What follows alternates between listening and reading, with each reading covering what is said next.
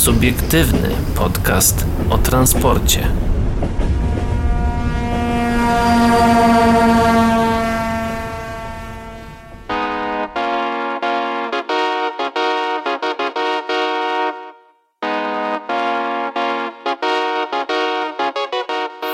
Dobry wieczór, dzień dobry i dobranoc dla wszystkich, którzy nas dzisiaj słuchają, a witają się z wami. Szymon Lech. Paweł Gajos? I Adrian Stefańczyk. Widzę, że tutaj mieliście problem, żeby się y, y, porozumieć, kto pierwszy to mówi. Dzisiaj powiemy na pewno o tym, że ustawowo powinniśmy zakazać utrzymywania 0 km na godzinę na liniach e, kolejowych. Mm, Rzeszów wprowadza nowy system płatności w autobusach, no i porozumienie w sprawie przejęcia Lotosu przez Orlen, które zostało oczywiście podpisane.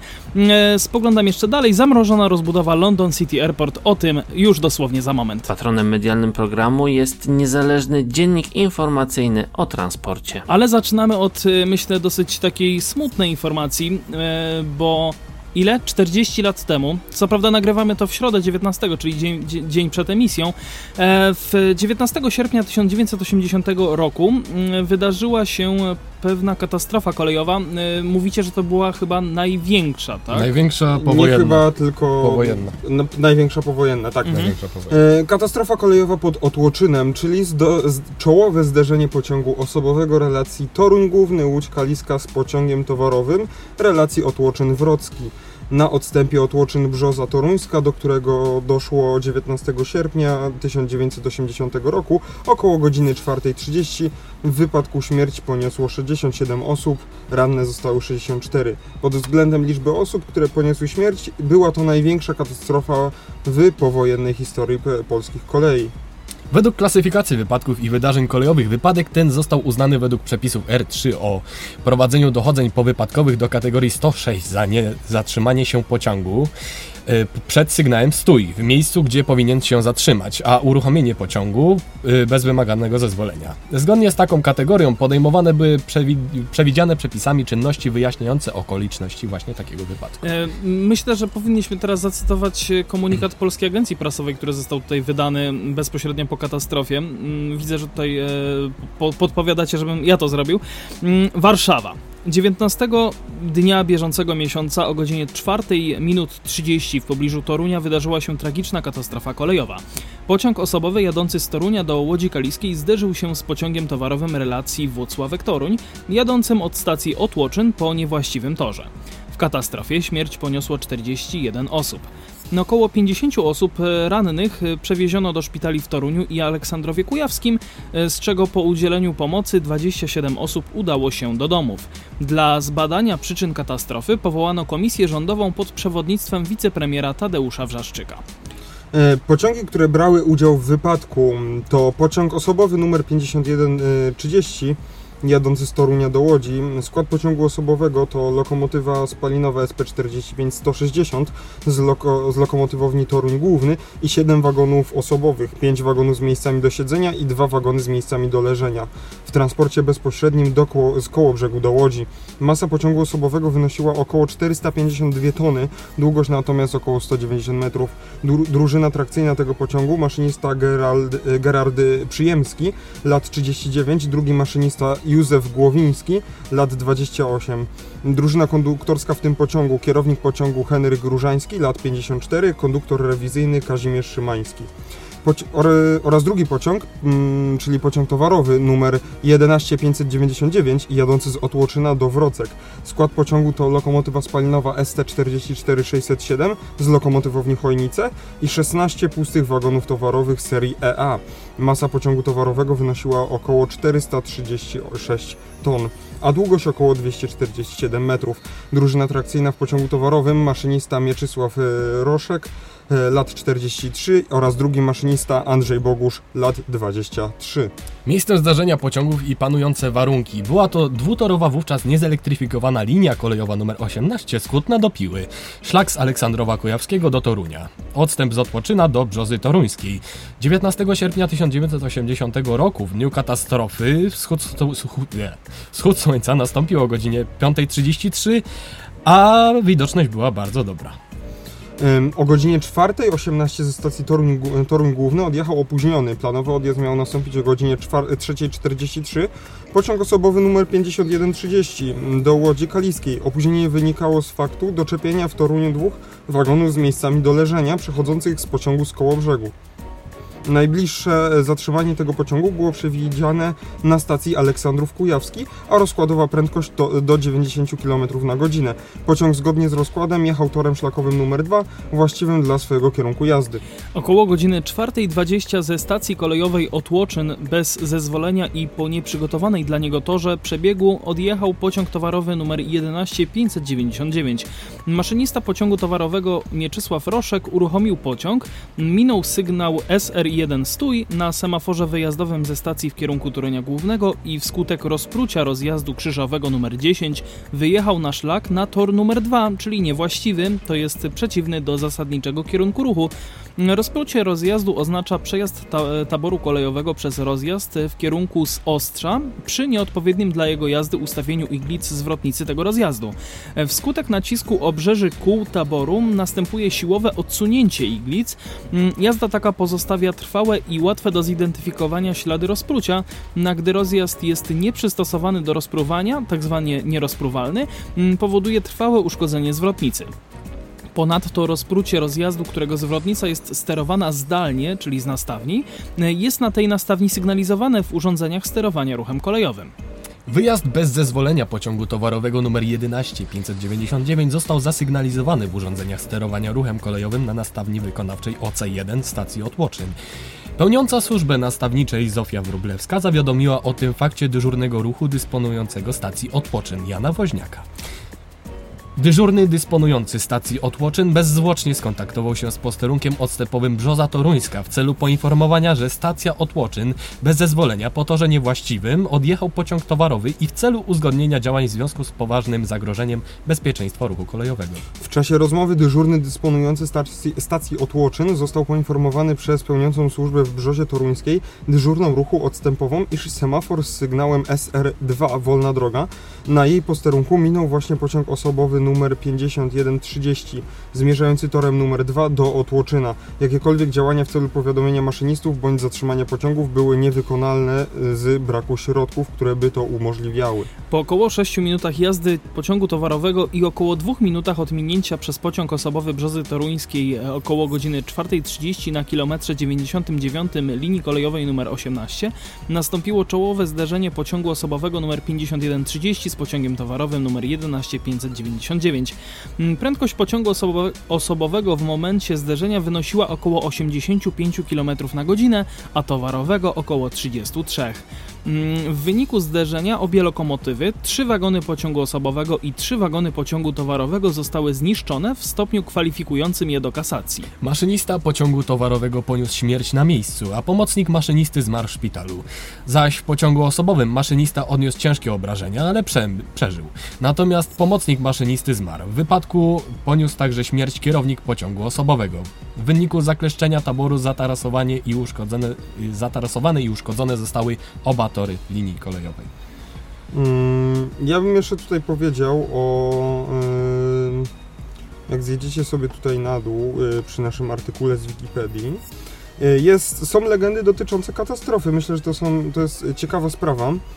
Y, Katastrofa wydarzyła się w, stosunko, w stosunkowo burzliwym politycznie okresie. Mm, Zgodnie z zasadami obowiązującymi publikacje w PRL e, opinia publiczna nie była w sposób powszechny informowana o przebiegu dochodzenia powypadkowego ani jego ustaleniach, co spowodowało powstanie przypuszczeń o przyczynach tragedii. Przypuszczenia te są fałszywe, ponieważ nie znajdują potwierdzenia w dokumentach, faktach ani innych ustaleniach. Były jednak powtarzane w środkach masowego przekazu i z czasem zaczęły żyć własnym życiem. A niektóre z nich mówiły, że... Na lokomotywę wsiadła osoba postronna i steroryzowała obsługę, nakazując uruchomienie pociągu. Następnie, krótko przed zderzeniem, domniemany terrorysta wyskoczył i zbiegł w nieustalonym kierunku. Prokuratora bada- badała taką hipotezę i jednoznacznie ją wykluczyła. W dniu katastrofy po zakończeniu usuwania zniszczonego taboru z toru numer 1 i wznowieniu ruchu pociągów z ograniczeniem prędkości do 5 km na godzinę w miejscu katastrofy przejechał pociąg towarowy, a na jednym z wagonów miał być widoczny napis Dzisiaj Otłoczyn, jutro Gdańsk. W innej wersji miał to być napis Otłoczyn, preludium Gdańska. Miał to być zamach na dygniatrzy... par- Dygnitarzy. Dygnitarzy partyjnych podróżujących kursującym tą linią pociągiem ekspresowym Kujawiak relacji Bydgoszcz-Warszawa. Pociąg ekspresowy Kujawiak istotnie jeździł tą trasą, ale kilka godzin po pociągu osobowym numer 5130. Pociąg towarowy wysłano celowo, aby doprowadzić do zderzenia z transportem wojsk radzieckich zajmujących Polskę, albo że transport wojsk radzieckich jechał pociągiem towarowym 11599. Dostępne ekspertyzy nie wspominają o bliskości poligonu wojskowego sąsiadującego z torami kolejowymi i związanych z tym teoretycznie możliwych konsekwencjach. Opisane wyżej hipotezy są błędami logiczno-językowymi wysnuwanymi na podstawie dowodu z braku dowodów. Autorzy tych hipotez stwierdzają, a może to tylko czysta przekora powoduje, e, powoduje nami, by jednak jakiś znak zapytania postawić. W mediach okoliczności dotyczące katastrofy podawane są niejednokrotnie nieściśle. Liczba ofiar oscyluje od 60 do 70. Przeinaczenie albo prze, przekazy... Przeinaczane albo przekazywane. Albo przekazywane były informacje nie znajdujące pokrycia w faktach. Cytaty. Wjeżdżają, wjeżdża rozpędzony skład wypełniony węglem. W rzeczywistości wagony pociągu towarowego były próżne.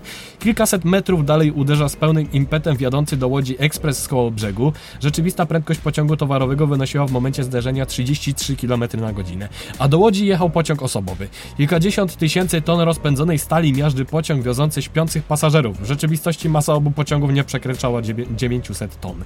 Zdarzyło się także, że katastrofa kolejowa pod Otłoczynem została całkowicie pominięta w zestawieniach największych katastrof kolejowych, jak nigdy, jakby nigdy nie nastąpiła.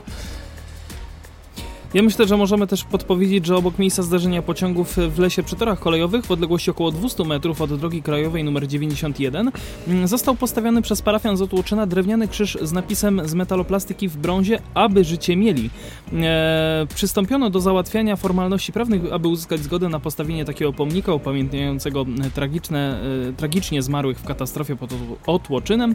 Mm, I ten pomnik jest tam, e, znajduje się oczywiście, jeżeli...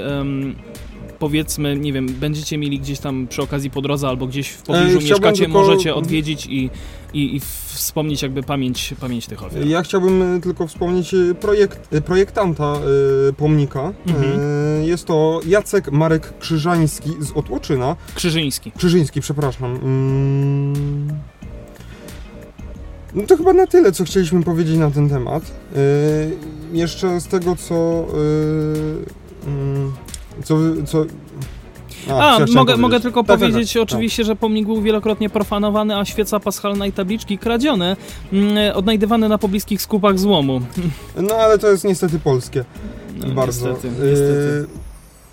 Raczej chamskie. E, Niepisaną, Czyli tra- polskie. niepisaną tradycją wśród maszynistów z Bydgoszczy i Torunia jest, zazwyczaj, jest zwyczaj podawania sygnału RP1 baczność w momencie mijania miejsca katastrofy. To taka ciekawostka, myślę, na koniec. Yy, tak, chciałem jeszcze dodać, że z tego, co oglądałem, yy, jak ktoś nie widział, ale raczej tutaj yy, środowisko yy, na pewno zna ten film, yy, użytkownika Kuracyja na YouTubie, gdzie na końcu przyczyną, przyczyna, wywnioskowana przyczyna jest taka, że maszynista Roszek, który z pewnych przyczyn pełnił e, służbę dłużej niż powinien, e, po prostu źle zinterpretował e, Podawany sygnał podawany, podawany sygnał. Był to semafor kształtowy, no ale było ciemno. E, tam już 20 któraś godzina służby e, leciała, o ile nie więcej. E, Mówiłeś chyba, że 25. Nie wiem, nie, nie, A, nie znam szczegółów. tak w okolicy. No, coś w okolicach właśnie 20 godziny. Ten. E, pracy. jazd, e, takiej Ciągłej ciągłej, jazdy. ciągłej pracy, e, który, Mhm. no to No i to go po prostu zmyliło, no i doprowadził do katastrofy. Tak, y, to zjawisko jakoś się nazywa. Chodzi dokładnie o to, że jeśli w ciemnym otoczeniu patrzysz się na jeden jasny punkt, czyli w tym wypadku czerwone światło, i potem zamkniesz oczy i się popatrzysz na płaską powierzchnię, jednolity kolor, to widzisz to jakby negatyw. No tak. No, no to coś takiego mogło mu się stać. Za długo patrzył y, na czerwone światło, potem gdzieś y, odchylił głowę na bok i z powrotem popatrzył na semafor i nałożył mu się właśnie ten efekt negatywu, przez co zinterpretował to czerwone światło jako, jako sygnał zielony i, i, i- i ruszył No i po prostu siebie. ruszył, tak. No, tego się raczej nie dowiemy. Właśnie, No tego już się niestety nie dowiemy. Em, Ciekawi mnie tylko, dlaczego nie, nie zainterweniował jego pomocnik. Właśnie to też jest intrygujące, bo byli w podwójnej obsadzie. No, Jajks. może, że w tamtych czasach cały czas było to, że starszemu maszyniście się nie przeszkadza i, I co powie, to jest święte. i co powie, to jest święte. Aczkolwiek no taki błąd, żeby przekroczyć y, no, To jest naj, SR1. praktycznie największe przewinienie, jakie można wykonać pracując na kolei, będąc y, odpowiedzialnym No za właśnie nieważne, e, takie rzeczy i wyciąganie wniosków e, i bada, badanie przyczyn no, zostawiamy odpowiednim służbom i odpowiednim osobom, e, a my przejdziemy do naszych e, cotygodniowych obowiązków, że tak powiem i Czyli- do tego, od czego tu jesteśmy. Czyli przekazywanie wam e, aktualnych informacji i tego, co właściwie dzieje się w świecie transportowym. A zaczynamy właśnie od, no tak jak zawsze w sumie, od kolei, bo nie może być inaczej. Informacja z 18 sierpnia. Poseł Gawkowski mówi, ustawowo zakażmy utrzymywania 0 km na godzinę na liniach kolejowych. Bardzo ciekawą interpelację do Ministerstwa Infrastruktury wystosował poseł Krzysztof Gawkowski. Na przykładzie linii kolejowych w województwie kujawsko-pomorskim wskazał, jak trudna jest sytuacja przewozów kolejowych, którzy chcą korzystać z tak, linii, z tak zwanych linii uśpionych. Proponuje, by ustawowo na, nakazano utrzymywanie prędkości szlakowych przynajmniej dla prędkości 50 km na godzinę. Gawkowski zwraca uwagę, że na wielu lokalnych liniach kolejowych w Polsce ruch pociągów odbywać się może na wniosek przewoźnika kolejowego na podstawie odrębnie opracowanego regulaminu przejazdu. Dotyczy to wielu linii lokalnych wyłączonych z codziennego ruchu, tak zwane linie o statusie linii uśpionych.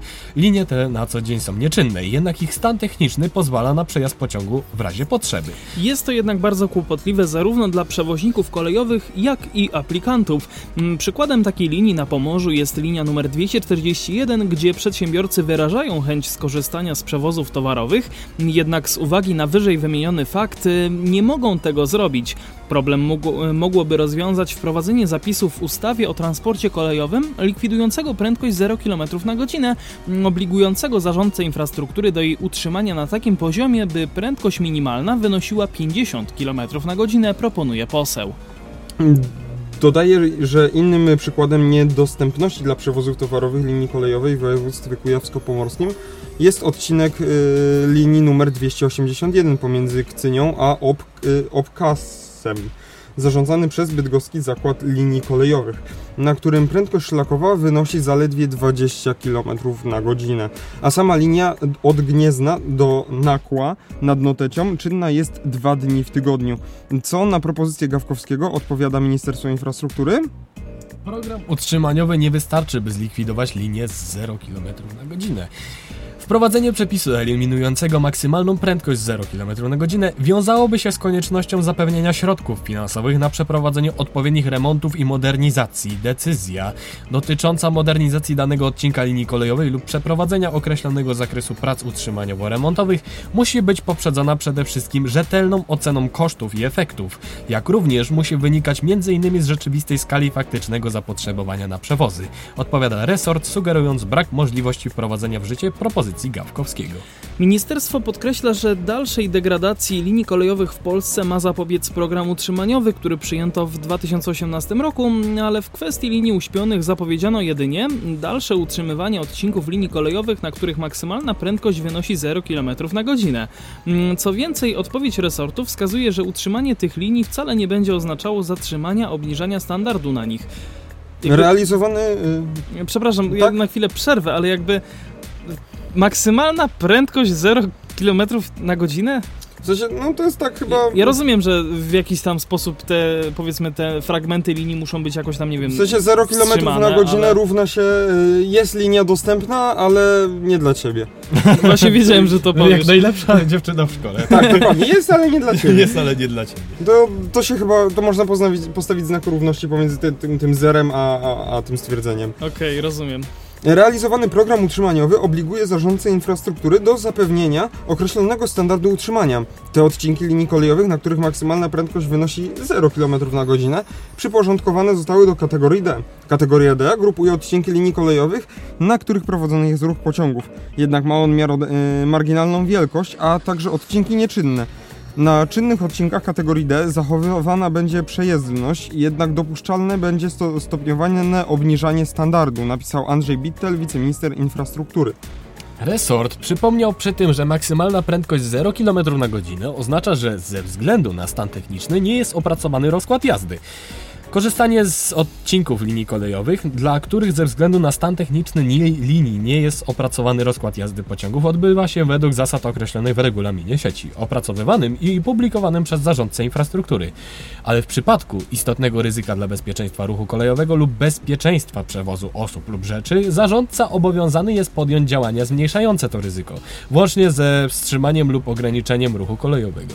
Jakie są szanse na poprawę stanu linii kolejowych wskazanych przez posła? Mm, tu informacje, chociaż częściowo są dobre. Wygląda bowiem na to, że Urząd Marszałkowski Województwa Kujawsko-Pomorskiego po latach zamierza zająć się w końcu odcinkiem linii kolejowej 281 od granicy z województwem wielkopolskim e, przez Kcynie do Nakła nad Notecią. Ja tylko przypomnę, że na terenie e, linii prowadzony jest intensywny ruch pasażerski e, tej 281. PKP PLK przyznała, że we współpracy z regionem rozważa projekt rewitalizacja ciągu komunikacyjnego Bydgoszcz, Kcynia, granica województwa do realizacji.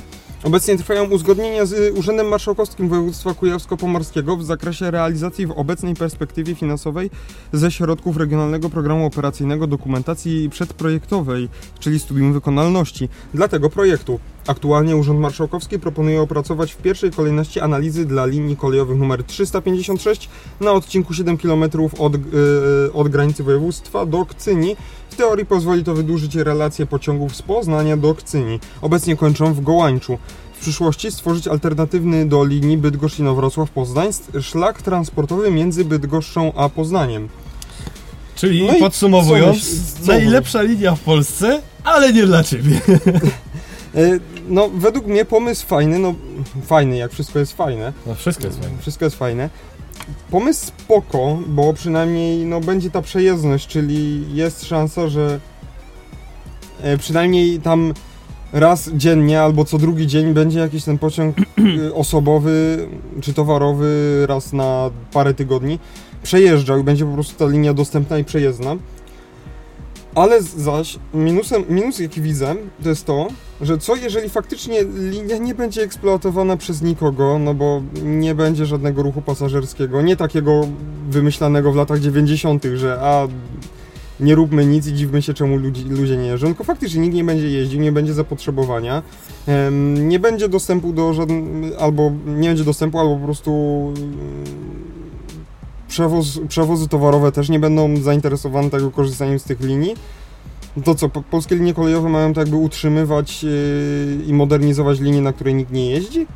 i nikt nie wyraża chęci, no to jest trochę takie... Ja myślę, że można by było zamiast 50 trochę niższą tę prędkość, na przykład 10 albo chociaż 30, tak? Albo żeby była przejezdna. Po prostu, żeby była utrzymana w takim... W ta, w Więcej niż zero. Tak, po prostu w, taki, w, takiej, w takiej formie i w takim stanie, żeby można było nawet w razie awaryjnej po prostu puścić tamtędy jakiś skład nie wiem, może, może jakby ruszył ten koncept z tymi paczkomatami kolejowymi, to co kiedyś mówiliśmy. Szym, Szym, Szymona nas nie było, hmm. nie było ostatnio, więc trochę nie jest w temacie. Kolejowe, e, ale, więc Szymonie mam na, mamy nadzieję, że nadrobisz poprzednie odcinki.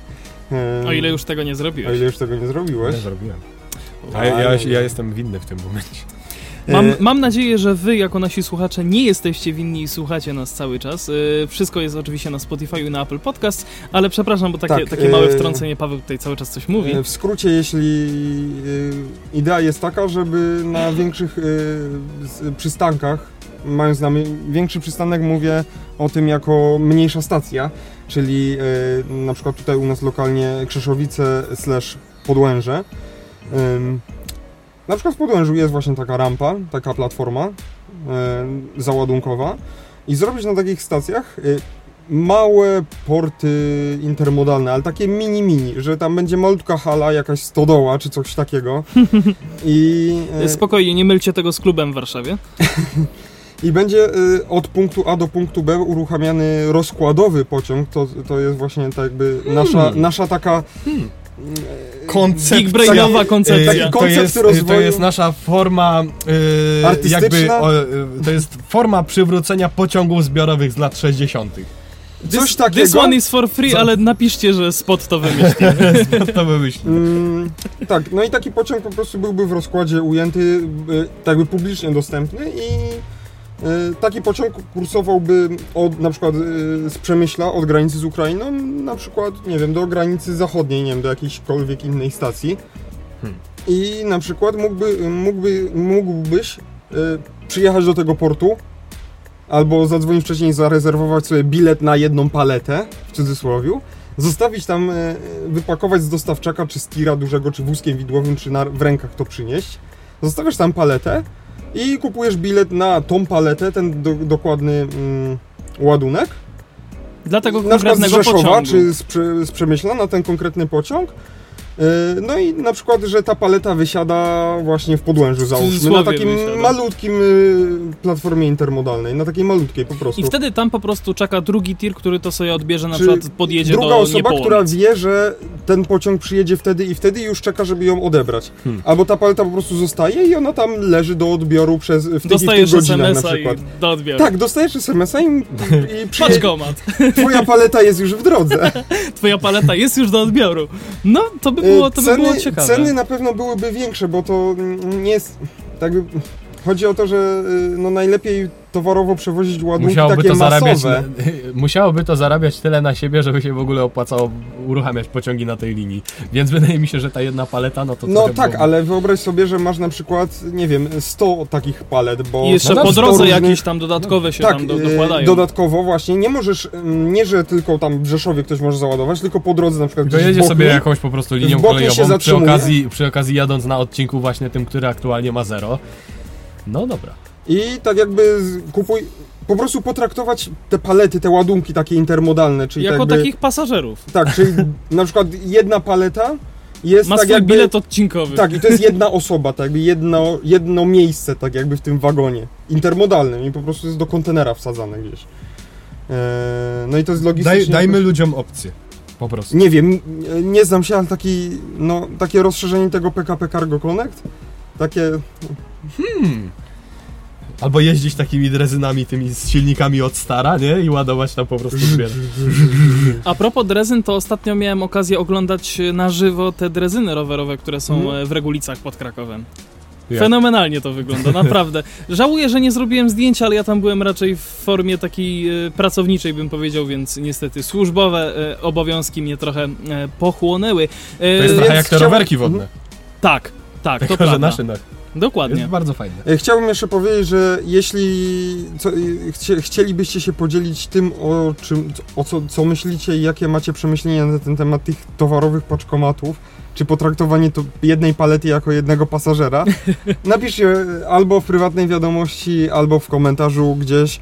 Tam promującym ten konkretny odcinek nasz Tak. dzisiejszy. W przyszłości się na pewno odniesiemy do tego i coś Na tam Facebooku pogadamy. zapraszamy oczywiście facebook.com slash o transporcie. E, spoglądam jeszcze na nasz zegar, e, spoglądam również na nasze artykuły. Tak, Myślę, Cegielski, że przechodzimy właśnie tutaj do, do, do, do Cegielskiego. Cegielski jednym chętnym, jedynym chętnym do modernizacji 90, aż 90 wagonów PKP Intercity. Wyłącznie FPSH Cegielski złożył ofertę w przetargu na modernizację 90 wagonów dla PKP Intercity.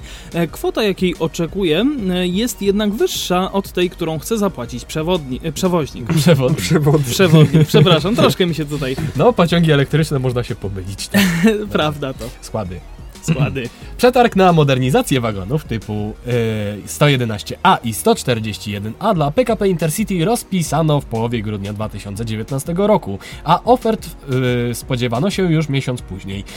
Terminy były zmieniane na początku z uwagi na prośby potencjalnych wykonawców, a później przez koronawirus. Ostatecznie dopiero w połowie sierpnia 2020 dowiedzieliśmy się, że wyłącznie poznański Cegielski chce podjąć się modernizacji.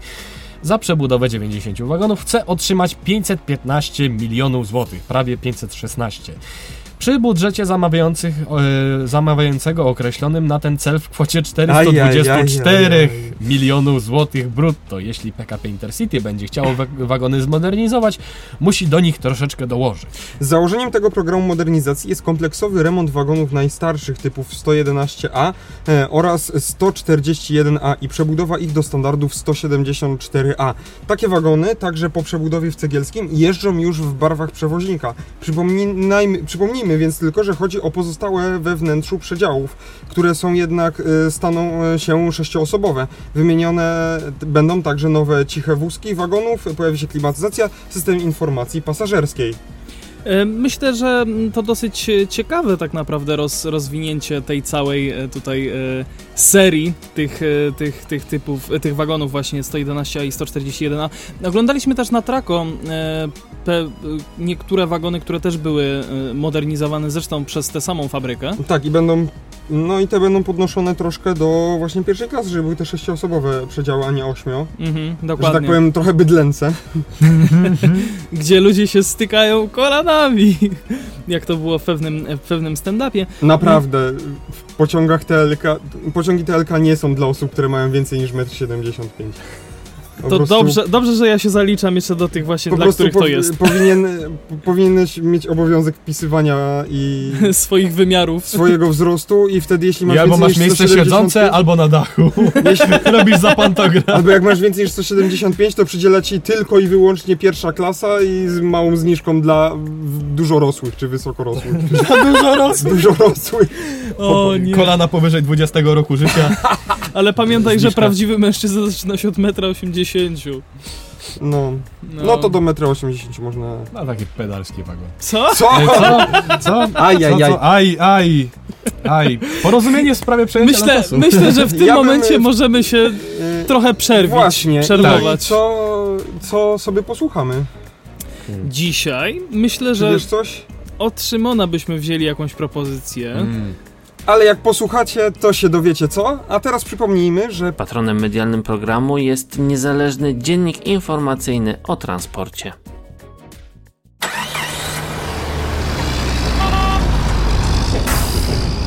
Subiektywny podcast o transporcie.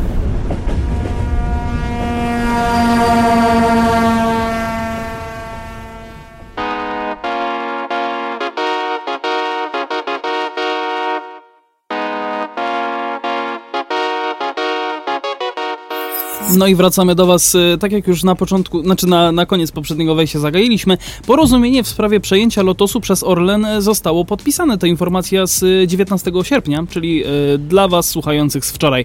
Mm, Grupa Lotos podpisała porozumienie o współpracy z PKN Orlen i Skarbem Państwa. Dotyczy ono sfinalizowania procesu nabycia przez PKN Orlen akcji grupy Lotos od Skarbu Państwa. Mm, Transakcja ma skutkować przejęciem bezpośrednio lub y, pośrednio kontroli kapitałowej nad grupą Lotos przez PKN Orlen. No, porozumienie podpisano 18 sierpnia bieżącego roku. Sygnatariusze porozumienia potwierdzili, że warunkiem przeprowadzenia transakcji będzie realizacja środków zaradczych wynegocjowanych z Komisją Europejską. Obie spółki zadeklarowały współpracę umożliwiającą ich wykonanie. Ponadto spółki zobowiązały się współpracować ze Skarbem Państwa. Celem umożliwienia Skarbowi Państwa analizy zakresu środków zaradczych oraz wypracowania zakresu i struktury transakcji. Zawarte porozumienie związane jest z podpisaniem w lutym 2018 roku listu intencyjnego przez PKN Orlen oraz Skarb Państwa w sprawie procesu przejęcia kontroli kapitałowej przez PKN Orlen nad grupą Lotos oraz z pozytywną e, warunkową decyzją Komisji Europejskiej z 14 lipca 2020 roku w sprawie przejęcia przez PKN Orlen kontroli nad spółką.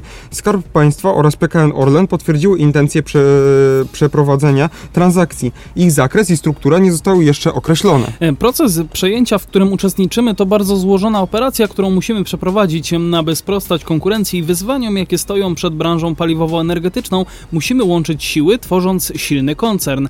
W całej Europie miało już miejsce wiele podobnych transakcji. PKN Orlen ma spore doświadczenie w przeprowadzeniu tego rodzaju postępowań, dlatego jestem spokojny o przebieg procesu zgodnie ze wszystkimi standardami i obowiązującymi przepisami dla tego typu transakcji, powiedział pan Paweł Jan Majewski, prezes zarządu grupy Lotos. Przypomnijmy, proces przejęcia kapitałowego grupy Lotos przez PKN Orlen został zainicjowany w lutym 2018 roku. Wówczas podpisano list intencyjny ze Skarbem Państwa, który posiada w gdańskiej spółce 53,19% głosów na walnym zgromadzeniu akcjonariuszy. W kwietniu 2018 roku w gdańskiej spółce rozpoczął się proces due intelligence, czyli badanie... Due diligence. Due diligence. diligence. No. Diligence. Nie wiem, nie umiem po hindusku. Czyli badanie jej kondycji handlowej, finansowej, prawnej i podatkowej pod kątem przejęcia. I jeszcze w listopadzie tego samego roku Orlen złożył w Komisji Europejskiej wstępną e, wersję wniosku o zgodę na koncentrację. Warunkową zgodę Komisji Orlen otrzymał w połowie lipca tego roku. Prze, e, Przewidziane? przewidziane środki zaradcze obejmują zobowiązania PKN Orlen i grupy Lotos w obszarach produkcji paliw i działalności hurtowej, logistyki paliw, działalności detalicznej, paliwa lotniczego oraz asfaltu. No, e, ja myślę, że to jest całkiem e, sympatyczna wiadomość, e, bo jakby no dwie, bra- znaczy dwie firmy, które, są, które działają jakby w jednej branży, łączą się, łączą E, swoje siły. I obydwie tak jakby napędzane skarbem państwa. Dokładnie i też same w sobie napędzają ten skarb państwa, jakby na to nie spojrzeć, Tak, więc prawda? po co dzielić włosa na czworo, Jak a można, tutaj na dwojga? a tu można właśnie dwojga połączyć w jedno. w, w jeden big koncern y, PKN Orlen i I eksportować naszą naftę. albo asfalt. Albo asfalt, tak jest. E, I mam jedną ulubioną rzecz i drugą ulubioną rzecz, to czemu nie, za, nie złączyć je w jedną najlepszą rzecz? Czyli najlepsze hot dogi i Najle- dobre paliwo. O, dokładnie. tak, musimy się trochę tutaj rozluźnić, bo troszkę się zagadaliśmy na tej naszej przerwie. E, a Czy teraz coś jeszcze chcecie dodać? Chyba nie. ja tutaj mam... y, już nie chcę nic do odpowiedzi, może Szymon coś chcesz, bo tak już chcę przejść delikatnie dalej. Asfalt dobra rzecz. E, tak, Rzeszów okej. wprowadza nowy system płatności właśnie, chciałem do tego płynnie przejść, widzę, że tutaj Ja Szymon zrobił hard... jak Szymon, asfalt. Szymon po prostu ciach Tak. i gotowe. Ej, Dobra, jedziemy. Y, mi się wydaje, że, bo pozwoliłem sobie to wcześniej przeczytać, Mhm. Może to być, może nie jakaś super rewolucja, ale na pewno większa ewolucja e, albo innowacja. Zobaczymy jak to się przyjmie, jak to będzie działać. No właśnie, bo A o wydaje, co chodzi, to wydaje już- mi się, że to będzie, że to jest jakby to samo, co też chce Kraków zrobić, ale przejdźmy właśnie do artykułu. Y, Wkrótce ZTM w Rzeszowie uruchomi innowacyjny system naliczania płatności za przejazdy autobusowe, dzięki któremu nie będzie trzeba kupować biletu papierowego, gdyż do zapłaty za przejazd autobusem wystarczy użycie karty do bankomatu, telefonu czy zegarka. System wyliczy również najniższą z możliwych opłat za przejazdy autobusem. Kilka lat temu Rzeszowski Zarząd Transportu Miejskiego wprowadził Rzeszowską Kartę Miejską, która po doładowaniu, y, którą po doładowaniu można płacić za przejazdy. Od tego roku istnieje możliwość opłaty za przejazd autobusem przy pomocy karty bankomatowej. Wystarczy ją przyłożyć do czytnika kart w specjalnie oznakowanym kasowniku i bilety kupowane w ten sposób są nieco tańsze od tych papierowych. Obecnie ZTM pracuje nad kolejnym innowacyjnym rozwiązaniem, którego nie ma żadne miasto. W maju został uruchomiony system Known Fair Transaction, e, w ramach którego pasażer korzystający z karty bankomatowej, telefonu z aplikacją bankową, czy też zegarka podnosi stałą opłatę, e, ponosi stałą opłatę za przejazd, niezależnie od liczby przejechanych przystanków czy czasu podróży. Wkrótce zostanie wprowadzony najbardziej przyjazny model naliczania opłaty za podróżowanie komunikacją miejską, czyli Mass Transit Transaction, który będzie rozliczał pasażera na koniec dnia. Ten system sam dopasuje ceny w zależności od sposobu podróżowania w przedziale 24 godzin. Przy wyliczeniu opłaty za przejazd będzie brana pod uwagę liczba pokonanych przystanków oraz taryfa czasowa na podstawie danych kursowych, przyłożenia karty przy wejściu do jednego autobusu i przy wyjściu z niego no oraz z kolejnych przejazdów. To system wybierze, czy w przypadku danego kursu korzystniejsza jest na przykład opłata godzinna, czy za liczbę przejechanych przystanków. Efektem tego ma być wybór najkorzystniejszej taryfy dla pasażera. Mi się tylko przypomniało takie mm, słynne stwierdzenie jechać system. Przepraszam. Znaczy, chciałbym przyz... Ale w tym wypadku system spoko. Y, Większym problemem niż system jest to, że No, żyjemy w Polsce, nie? No. Czyli ktoś sobie wejdzie i ojejku, zapomniałem przyłożyć telefonu czy karty. O, Ja- o, Ojej, jest. zrobię to za przystanek, albo, Albo- dwa. Albo nie, przykładam telefon i za dwa przystanki znowu przykładam, że wysiadam. No A i to przejadę jeszcze jeszcze jeden. ze dwa, albo jeszcze jeden. Tak. E, Realizacja tego projektu jest możliwa, gdyż flota autobusów, którą dysponuje MPK Rzeszów jest w 100% wyposażona w kasowniki, w których można uiścić opłatę za przejazd za pomocą karty płatniczej. Każdy nowy autobus, który jest kupowany przez miasto jest wyposażony w tego typu urządzenia. Tylko w takim przypadku, kiedy wszystkie pojazdy posiadają takie kasowniki, jest możliwość uruchamiania modelu MTT. System będzie testowany w sierpniu. No, co prawda to jest informacja z, y, jakby no, ze środy, z wczoraj, ale Czyli w sierpniu. Może za rok. Em, nie, W sierpniu. No, w sierpniu. W sierpniu, prostu, sierpniu. Czyli Dobrze. przez cały miesiąc. No moim zdaniem, w sensie, jeśli to ma działać tak jak jest tutaj powiedziane, Opisane. opisane jaka to jest wygoda. No nie? Mm. Bez biletów, bez niczego, po prostu przykładasz y, kartę, Większą, telefon, wygodą jest, większą wysiadasz. wygodą jest tylko miesięczny, Tak, czy okresowy. tak. No ale jak nie jeździsz codziennie Tak do często, szkoły, czy tak. tak. jak ja teraz mam wakacje, e, samocho- jeżdżę samochodem, no i do miasta tak, rzadko komunikacją miejską, tyle co tu samochodem gdzieś wokół Krakowa pojeździć, ale tak to do samego centrum nie jeżdżę. No ale czasami mi się zdarzają takie potrzeby, jak właśnie krakowska linia muzealna, która się odbyła niedawno. Mhm. E, czy Trwa do 20 września. E, czy, czy, czy, czy jakieś inne atrakcje, z których chcę skorzystać w centrum miasta, czy obowiązki, czy różne zadania. Nie muszę płacić, y, nie muszę szukać papierkowych biletów, nie muszę y, przed wejściem włączać sobie aplikacji i grzebać tej aplikacji i tak dalej i pamiętać o tym, bo czasami... Żeby kupić bilet i Bo tak cza- dalej. parę, no miałem tak, y, taki, tak odruchowo parę razy wsiadałem i prawie by się zdarzyło tak, żebym nie kupił tego biletu, bo y, no siedzę sobie już w tym tramwaju i tak jadę z kimś gadam, no bo fajnie, przecież zawsze mam miesięczny. O, nie tym razem, teraz są wakacje, musisz kupić bilet, no i zdarzyłoby się, że, Że dostałbyś mandat. że dostałbym mandat. Po prostu. E, Wiecie co, ja No. wam powiem też tak, wydaje mi się, że ten sam system, bo byliśmy, y, cały czas przypominam o tych targach Trako, y, Stadler e, przygotował tramwaj dla pewnego miasta w Czechach, jak dobrze pamiętam, i tam też był bardzo podobny system. Ojku, nie wchodźmy w szczegóły, bo to było tak dawno, że pojedziemy Że do. Katowic przez Poznań. Tak. No niemniej jednak wydaje mi się, że, że, że ten system w Czechach tak samo działa. E, Zweryfikuję to i przy, przy, jeżeli będę pamiętał, to przypomnę w najbliższym odcinku. Z tego, z, z, E, że po prostu w momencie, kiedy wsiadasz, to przykładasz kartę i wysiadasz, również musisz ją przyłożyć. No, z artykułu na transportpubliczny.pl wynika, że Rzeszów jest jedynym miastem w Polsce, które wprowadza taką e, ofertę. Dlatego właśnie mówię o Czechach. A w Polsce. No. Polsce. No, w Polsce. I wbrew pozorom Podkarpacie wychodzi naprzód. Nie wiem dlaczego się zacząłem śmiać. Wiesz co, Pawle, ja tak spoglądam na zegar. Coś tam piecze pewnie, nie? Piecze. Ja tak spoglądam na zegar i wydaje mi się, że zdążymy jeszcze o tym Olsztynie jednak opowiedzieć. No to powiedzmy o Olsztynie. Bo Olsztyn wybrał wykonawcę rozbudowy tramwaju.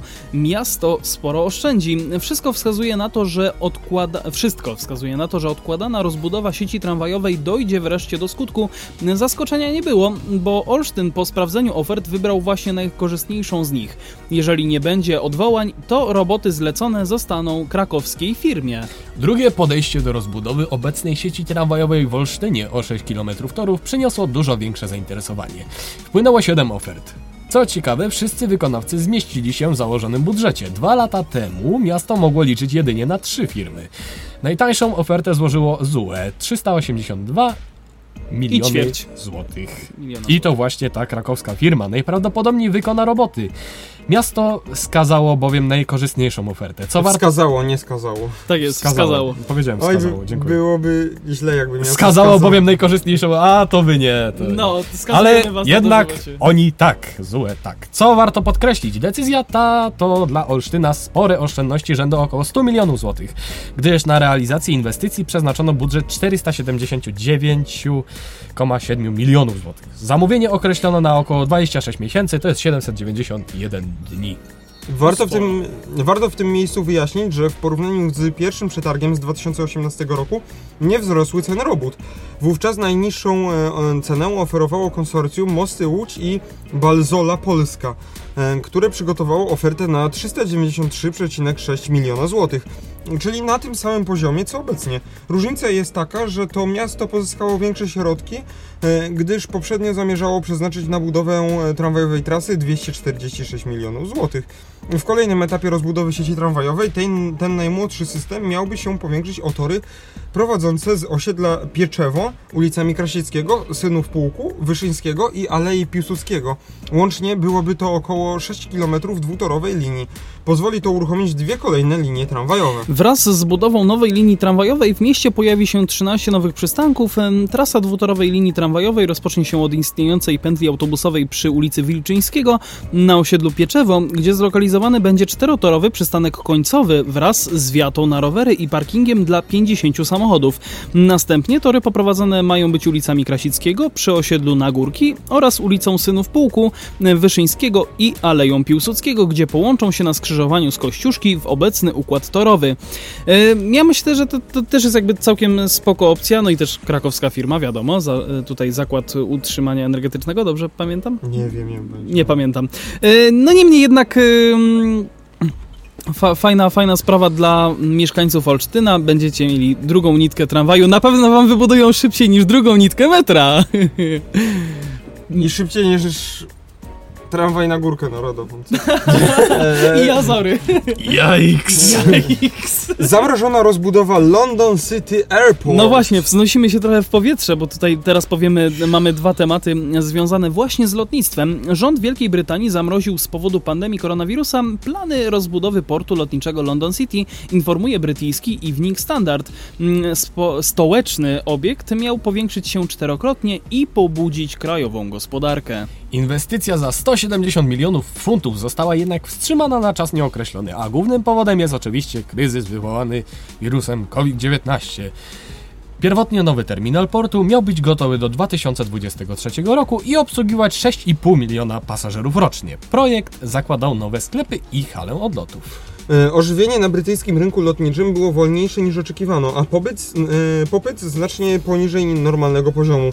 Dla wszystkich jest jasne, że powrót do poziomów e, sprzed pandemii zajmie więcej czasu niż początkowo się spodziewano, tłumaczy rzecznik obiektu w stolicy Anglii.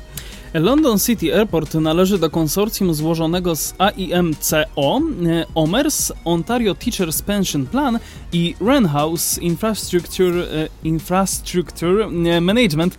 Do końca roku ukończonych zostanie jedynie 8 nowych stanowisk dla samolotów oraz nowa droga do kołowania, która umożliwi więcej przylotów i odlotów. Reszta inwestycji, w tym rozbudowa terminalu, została jednak odłożona na bardziej sprzyjający czas. Zarówno my, jak i nasi akcjonariusze jesteśmy bardzo pewni długoterminowych perspektyw dla London City Airport, a także kluczowej roli, jaką możemy odegrać w brytyjskiej gospodarce. Musimy jednak wyjść z szoku związanego z COVID-19, podkreślił Robert Sinclair, prezes portu, nie wykluczając tym samym kontynuowania prac za kilka lat. Warunkiem jest jednak przynajmniej powrót popytu na podróże lotnicze do poziomu sprzed pandemii. London City Airport obsłużył w minionym roku ponad 5 milionów pasażerów. Rejsy na to lotnisko z Warszawy, Budapesztu i Wilna oferują także PLL LOT. To myślę, że taka dosyć ciekawa ciekawostka. Mm, ja myślę też z drugiej strony, tak, tak, tak y, teraz y, mając jeszcze chwilę na to, że jakby Londyn to jest takie miasto, które my jako, jako, jako Polacy musimy odwiedzić. Hmm. Tak mi się trochę wydaje. Dlaczego? Dlaczegoż to? Czy to takie ironiczne było bardziej? Nie, nie, nie, nie, wiesz co, tak mi powiedziała e, moja nauczycielka, którą bardzo bym chciał teraz w tym momencie pozdrowić z gimnazjum. E, tak trochę chyba prześmiewczo, nadal, nadal tego nie rozgryzłem, bo to już minęło kilka lat od, od, od- tej wypowiedzi, ja to cały czas pamiętam. E, powiedziała właśnie coś, e, ta, takie słowa, mm, e, spróbuję to sparafrazować, że właśnie Polak e, odwiedza świat i Londyn. Hmm. Nie wiem, może się dowiem jak odwiedzę Londyn. No nie mówię, że nie byłem, byłem w różnych krajach e, Europy. No, To- w, Anglii nie byłem i w Londynie, więc No może muszę, ja, ja jeszcze też. muszę To też tam Ja na przykład powiem, że mój geograf przelecieć. kiedyś powiedział, e, Polak musi zwiedzić Polskę i Sosnowiec. Przejście graniczne, Jak już za granicę, to proszę bardzo. Tak, tak, tak. Polski tylko trójkąt trzeba- bermudzki. No, tylko trzeba zrobić paszport. Nie? I ty No i wtedy- Ale można. Polsatu. Tak, bo Sostowiec nie jest w Schengen, nie? Ale bądź co bądź dalej się zastanawiam, dlaczego akurat, dlaczego akurat Londyn? No, Ja się jest- zastanawiam, dlaczego wszyscy mają taką bekę z Sosnowca. E, tak, widzę, że Pawle, że również wysłałeś jeszcze jeden artykuł. Mhm. E, oj, oj, oj. Ale zanim to, co ja wysłałem, to taki, w sumie to, co wysłałem, to taki clickbaitik trochę, tytuł czyli to na sam koniec zostawiamy. Tak, yy, tani Emiraty. jak Super Jumbo, tak tutaj, żeby podtrzymać waszą uwagę, powiem. Tak jest. E, A my teraz powiemy o tym, że Emiraty wznowią od 4 września trasę do Warszawy, e, bo lot, linie lotnicze Emirates wznowią od 4 września loty pasażerskie z Dubaju do Warszawy, poinformowano w oficjalnym komunikacie przewoźnika z Półwyspu Arabskiego. Do 7 października rejsy do stolicy Polski będą realizowane dwa razy w tygodniu, a następnie ich częstotliwość zwiększy się do trzech w tygodniu. Loty obsłuży szerokokadłubowy Boeing B777-300ER, E oferujący miejsca w klasie biznesowej pierwszej i ekonomicznej. Rejs E EK-179 odleci do Warszawy z Dubaju o godzinie 8.09 y, 8.10 w piątki oraz niedzielę. Powrotny lot E EK-180 ze stolicy Polski wystartuje o godzinie 15.10. Od 7 października dodano y, zostanie jeszcze usługa w środę. Emirates... y, Aha, tu To jest... to jest post na, tak, na, na, jest na. Twitterze. y, Twitterze. E, dzięki nowej trasie no, Narodowy Przewoźnik Zjednoczonych Emiratów Arabskich obsłuży łącznie 75 kierunków na Bliskim, Wscho- na Bliskim Wschodzie, w Afryce, regionie Azji i Pacyfiku no, oraz Europie. Jeden z największych ośrodków Bliskiego Wschodu został ponownie otwarty dla zagranicznych podróżnych. Po zniesieniu rządowych restrykcji na początku lipca bieżącego roku, przewoźnik z Dubaju wznowił również w ostatnich tygodniach loty do Addis Abay, e, Abei, e, Clark, e, Dar es Salaam, Nairobi, Kuwejtu, Pragi, São Paulo, Sztokholmu, Lizbony oraz na Seszele. Poza tym jego Super Jumbo A380 obsługują trasy do Amsterdamu, Londynu, Paryża, Kairu, Toronto oraz chińskiego kantonu. No i właśnie teraz przechodzimy do tematu s- Super Jumbo, e, bo tani jak Super Jumbo, e, czy tani jak Super Jumbo, przez pandemię a Airbusy A380 można kupić za ułamek oryginalnej ceny. No właśnie, trwająca W sumie pandemia... 99% oryginalnej ceny to niby też jest jakiś tam ułamek. No wiadomo, trwająca pandemia wirusa zapalenia płuc COVID-19 ma gigantyczny wpływ, no tak tu jest No napisane, okej. ma gigantyczny wpływ na wycenę samolotów pasażerskich. Podczas gdy na wartości tracą wszystkie modele, największy spadek dotknął największy samolot pasażerski świata, Airbusa A380, informuje y, magazyn The Economist. Jeszcze na początku lutego tego roku, kiedy pandemia COVID-19 była wciąż epidemią o zasięgu w dużej mierze ograniczonym do wschodniej Azji, która jak można było mieć nadzieję nie zagrozi innym regionom świata. Organizacja Scope Ratings wskazywała na narastający od czasu kryzysu finansowego z 2008 roku problem, który umykał uwadze większości osób nie zajmujących się finansami branży lotniczej, podczas gdy wartość samolotów rosła. Ceny rat leasingowych maszyn sukcesywnie spadały. Leasingodawcy muszą przyjmować coraz bardziej optymistyczny punkt widzenia na temat wartości rezydualnej samolotów, by wierzyć w, w zwroty w zwroty nakładów na inwestycje przy obecnych stawkach opłat leasingowych, punktowała agencja Scope Ratings w raporcie. W sierpniu 2020 roku, gdy wyniki przewozowe oraz finansowe u szczytu sezonu są cieniem wyników sprzed lat, a optymizm w branży lotniczej jest towarem mocno deficytowym, wartość samolotów, z których znaczna część pozostaje uziemiona, mocno spada. Szczególnie potaniał największy samolot pasażerski świata, Airbus A380, który jeszcze przed pandemią coraz słabiej przystawał do zmieniającej się rzeczywistości branży lotniczej. Podoba mi się ten jakby półnagłówek królowa płyt postojowych. To Ile jest wa- trochę, trochę jak Laguna, królowa nawet. Królowa nawet. Ile wart jest samolot, który stoi na... Albo Alfa. Tak, tylko że to wynika nie z, je, z jego przyczyny, tylko z przyczyny zewnętrznej. No wiem, wiem, no śmieję się. Spokojnie, Ile wart- pozdrawiamy wszystkich laguniarzy i alfiarzy. Ile wart jest samolot, który stoi na płycie postojowej i być może nigdy nie będzie już przewoził pasażerów? W erze COVID-19. Jest to los, który dotyka wielu piętrowych Super Jumbo A380 wyprodukowanych przez Airbusa, giganta branży aeronautycznej z Europy. Choć niegdyś były postrzegane przez linie lotnicze jako przeszłość lotnictwa cywilnego, teraz gdy COVID-19 przy, przykrył całunem e, przyszłość e, globtrotterstwa, Wiele sztuk trafia na wcześniejszą emeryturę. Te, które są w służbie, mogą być y, wasze za kilka milionów dolarów. Czytamy na łamach tygodnika The Economist. Podczas gdy spadki wartości w wyniku pandemii wirusa COVID-19 dotyczą wszystkich samolotów pasażerskich, obniżka cen A380 jest szczególnie znacząca. Przez lata model starał się zagospodarować specyficzną niszę na rynku. Loty do najbardziej zatłoczonych globalnych hubów lub lotnisk. Teraz te lotniska są puste, przez co operacje wykonuje się mniej niż yy, wykonuje, mniej wykonuje niż... mniej niż 1 na 10 Airbusów A380. W sytuacji, gdy branża lotnicza może powrócić do poziomu przewozów pasażerskich z 2019 roku dopiero w 2024 roku, mm, co sugeruje Międzynarodowe Zrzeszenie Przewoźników Lotniczych IATA, naród biznesowy, który przez lata był podstawą rentowności przewoźników Legacy, mm, może w ogóle nie powrócić do poziomów sprzed pandemii. Mm, przyszłość Super Jumbo rysuje się w ciemnych barwach. Szanse na to, by linie lotnicze chciały trzymać samoloty zaparkowane przez lata tylko po to, by stwierdzić, że maszyny te mają za wiele foteli w klasach premium, które zwykle zajmują większość górnego pokładu, są niewielkie i zapewne będą miały w, malały w miarę przedłużającego się uziemienia. Już teraz Airbusy A380 pożegnały linie lotnicze Air France, redukując swoją flotę 9 maszyn o deklarowanej wartości 500 milionów euro. Lufthansa na razie zdecydowała się zredukować swoją flotę, liczącą przed pandemią 14 maszyn, o 6 sztuk. Mm, szanse na ich powrót stoją pod znakiem zapytania, podobnie jak przyszłość 19 A380 w barwach Singapore Airlines, mm, drugiego największego użytkownika modelu na świecie po liniach lotniczych Emirates. Mm, singapurski przewoźnik zapowiada, że dokona oceny przyszłości swojej floty Super Jumbo. Super tani jak Super Jumbo. Wartość Airbus, Airbusów A380 spada również szybko, co widok modelu na przyszłość. Najstarsze egzemplarze maszyn mają 12 lat. W tym wieku samoloty tracą zwykle połowę swojej wartości. Biorąc pod uwagę, że nowe Mega Jumbo kosztują od 250 do 300 milionów dolarów, teoretycznie księgowi linii lotniczych mogą liczyć na wartość rezydualną w granicach 125 milionów dolarów.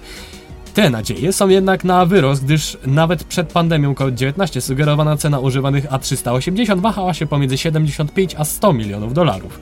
Teraz niektóre egzemplarze warte są połowę wartości sprzed pandemii, sugeruje Usman Ahmed z firmy konsultacyjnej Aircore Aviation w rozmowie z The Economist. Fundusz inwestycyjny Doric Nimrod Air One, który jest właścicielem pojedynczego Airbusa A380 wyleasingowanego linią lotniczych Emirates, niedawno ograniczył wartość niedawno ograniczył wartość księgową swojego samolotu o 51%.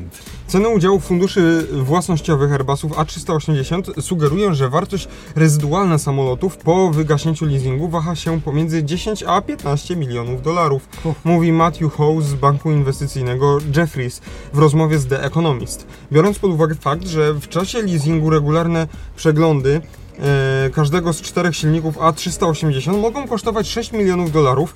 Używane jednostki napędowe w dobrym stanie warte są tę sumę. Jeśli doda się do tego wartość podwozia, które może być dalej użytkowane, to okaże się, że sam kadłub maszyny nie przedstawia sobą żadnej wartości. Sugeruje to również, że wartość części zamiennych, które można by odzyskać z samolotu jest niewielka wylicza. Na niską wartość A380 może wpływać również fakt, że Airbus nigdy nie zdecydował się na opracowanie frachtowca na bazie modelu, mm, co powoduje, iż przerabianie na rynku wtórnym wersji pasażerskiej na towarową może być skomplikowane. Do tej pory jedynie jeden operator Super Jumbo, czyli linie lotnicze Highfly, mm, zapowiadają chęć przerobienia samolotu właśnie na taki, na taki samolot cargo o ładowności 60 ton przy zasięgu 17 godzin lotu.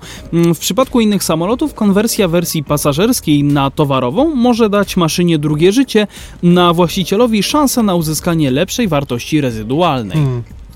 A nie mogą na AliExpress kupić przejściówki Z trakcji spalinowej na elektryczną za 50 centów, tak? No to, ale za 60 pe- centów pewnie da się kupić taką przejściówkę z y, przedziału pasażerskiego na przedział towarowy. Znaczy za prostu. 60 centów po prostu kupujesz sobie takiego... Mm, Dongla. Nie, kupujesz sobie takiego człowieka, który ci po prostu przyjdzie, wykręci fotele i zrobi jakieś półki.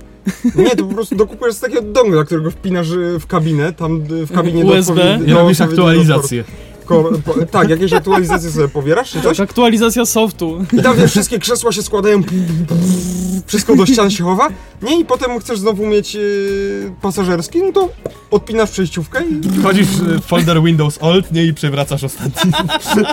Ale pamiętaj, że Windows Old jest tylko przez 30 dni. Dlatego przewieźć i przewrócić. właśnie otworzyłem szafę z tymi starymi rolling joke'ami, bo trochę ich tutaj zabrakło.